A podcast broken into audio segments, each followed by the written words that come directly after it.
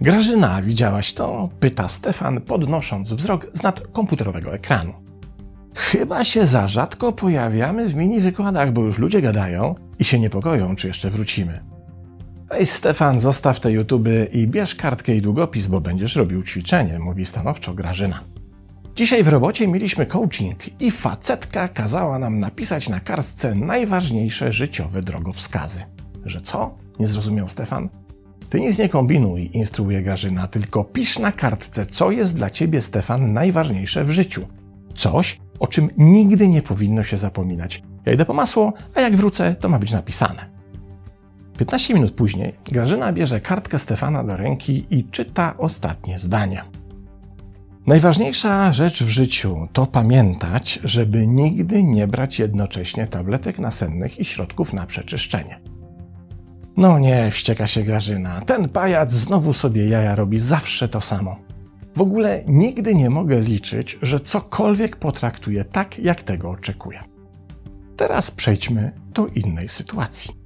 Stefan, lawirując na drabinie, usiłuje zdjąć z górnej szafki kamionkowy garnek, bo idzie zima, jak idzie zima, to pora na kisz z buraków, by podnieść odporność organizmu, mimo iż Grażyna tych buraków nie znosi i generalnie na sam widok kamionkowego garnka dostaje wysypki. Grażyna woła Stefan, weź ode mnie ten garnek, żeby mi się nie wysmyknął. Grażyna podchodzi do drabiny, wyciąga rękę po garnek i kiedy już wydaje się, że go trzyma, nagle i niespodziewanie wyślizguje jej się z rąk i roztrzaskuje na podłodze. No to se co najwyżej z buraków możemy ćwikłe zrobić, wzdycha Stefan i zwraca się do Grażyny. Pewnie teraz masz satysfakcję, bo jakoś trudno mi uwierzyć, że mogłaś wypuścić z rąk taki duży dzban. Sam jesteś dzban, odszczekuje się Grażyna. Ja chciałam tylko pomóc i ty już wiesz co. Tak, wiem, odpowiada Stefan. Dzisiaj seksu nie będzie. Zwróciliście uwagę, co charakteryzuje obydwa te przykłady? Otóż ocena partnera nie na podstawie jego intencji, ale wyłącznie na podstawie efektu zaistniałej sytuacji. A co jeśli na przykład Stefan napisałby na kartce coś, co nie rozjuszyłoby Grażyny, a upuszczony przez Grażynę kamionkowy garnek przeżyłby zderzenie z podłogą nienaruszony, to czy czasem nie zmieniłby się tylko i wyłącznie efekt zdarzeń, podczas gdy intencja pozostałaby niezmieniona? Jednak w naszych relacjach, szczególnie kiedy dzieje się coś, co nam nie pasuje, kierujemy się najczęściej oceną czyichś działań, biorąc pod uwagę jedynie ich rezultat i kompletnie pomijając intencje. Tutaj pewnie od razu pojawia się w głowie kulturowy wzrok o tym, że dobrymi intencjami jest wybrukowane piekło, ale z drugiej strony przecież nie oznacza to, że złe rezultaty naszych działań zawsze są efektem naszych złych intencji.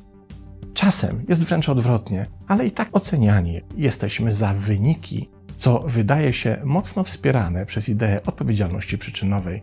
No bo skoro ktoś zrobił coś nieodpowiedniego czy złego, to czynimy go za to odpowiedzialnym, niezależnie od tego, jakie intencje mu przyświecały. Czy jednak tego typu ocenność możemy uznać za stuprocentowo sprawiedliwą? Otóż nie ma to wiele wspólnego ze sprawiedliwością, ale i tak to robimy, co najlepiej ilustruje przykład z ostatnio opublikowanych badań. I tutaj, zanim do nich przejdziemy, z góry uprzedzam, że przykład nie ma już tak lekkiego kalibru jak Stefanowy kamionkowy garnek czy coachingowe zadanie Grażyny. Badanie wykonał zespół połączonych sił Departamentów Psychologii Uniwersytetu Wschodniej Anglii oraz Boston College. W eksperymencie wzięło udział 2341 uczestników, których zadaniem była ocena przypadku kierowcy, który na skutek umyślnego zaniedbania doprowadza do nieumyślnego skutku, czyli dość skomplikowany moralnie dylemat, w którym dodatkowo wprowadzono dwie alternatywne zmienne. W pierwszej finał okazywał się stosunkowo niegroźny, w drugiej tragiczny. Przyjrzyjmy się samemu przypadkowi. Oto Cynthia odwozi swoich dwóch małych braci ze szkoły do domu ich dużym rodzinnym samochodem. W pewnym momencie jeden z braci zauważa przy drodze sporych rozmiarów stertę zagrabionych liści, tak dużą, jakiej do tej pory jeszcze nie widział. Na ten widok zaczyna on namawiać Cynthię, by rozpędzonym samochodem wjechała w te stertę liści, bo przecież wzniecenie liścianej zawieruchy będzie super fajnym i widowiskowym zdarzeniem. Cynthia w końcu ulega namowom brata i wjeżdża samochodem w ogromną stertę liści. Tyle, jeśli chodzi o cały fundament wydarzenia. Pora na wprowadzenie zmiennych. Najpierw dotyczących zaniedbania, z których pierwszą jest to, że Cynthia przed wjazdem w stertę liści zapomniała o tym, że w takich stertach liści czasem lubią się bawić małe dzieci. Drugą zmienną jest to, że decydując się ulec namowom brata, wiedziała, że w liściach mogą być dzieci. Teraz kolejna zmienna dotycząca skutków. Pierwszej efekt zdarzenia nie przyniósł specjalnej szkody. Okazało się, że w liściach znajdowały się dwa poboczne słupki, ale tak się szczęśliwie złożyło, że uderzenie w nie nie przyniosło większych strat. Zaledwie został porysowany lakier samochodu. W drugiej zmiennej, efektowej, w wyniku zdarzenia samochód Cynthia potrącił dwójkę dzieci, które bawiły się w liściach i które w wyniku tego zdarzenia poniosły śmierć na miejscu. Pytanie badawcze zaś brzmi, czy pojawienie się tych zmiennych wpłynie na naszą ocenę winy Cynthii i jednocześnie wyrok sądowy, który mają skazać na odpowiednią karę za popełniony czyn? 92% badanych uznało, że w przypadku śmierci dzieci Cynthia powinna być bezwzględnie skazana, przy czym 72% uznało, że w tym wypadku kara nie może być krótsza od roku bezwzględnego więzienia. Okazało się, że w wydaniu takiej oceny zdarzenia uczestnicy w tragicznej zmiennej efektowej w ogóle nie brali pod uwagę zmiennych zaniedbaniowych.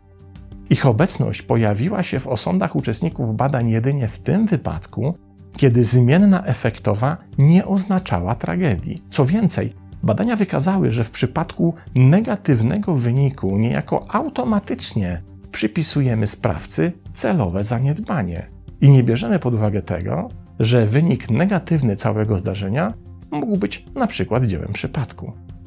Autorzy badań wskazują tutaj na kontrowersje, które pojawiły się wśród uczestników komentujących wyniki badań, gdzie wskazywano na dylemat tak zwanego moralnego szczęścia i moralnego nieszczęścia.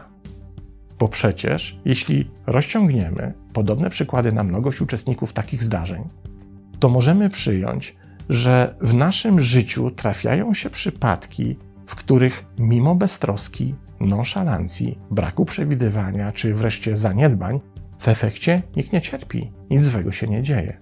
A to oznacza, że inicjatorzy tych zdarzeń doświadczyli efektu moralnego szczęścia, bo nic się nie stało, chociaż mogło się stać.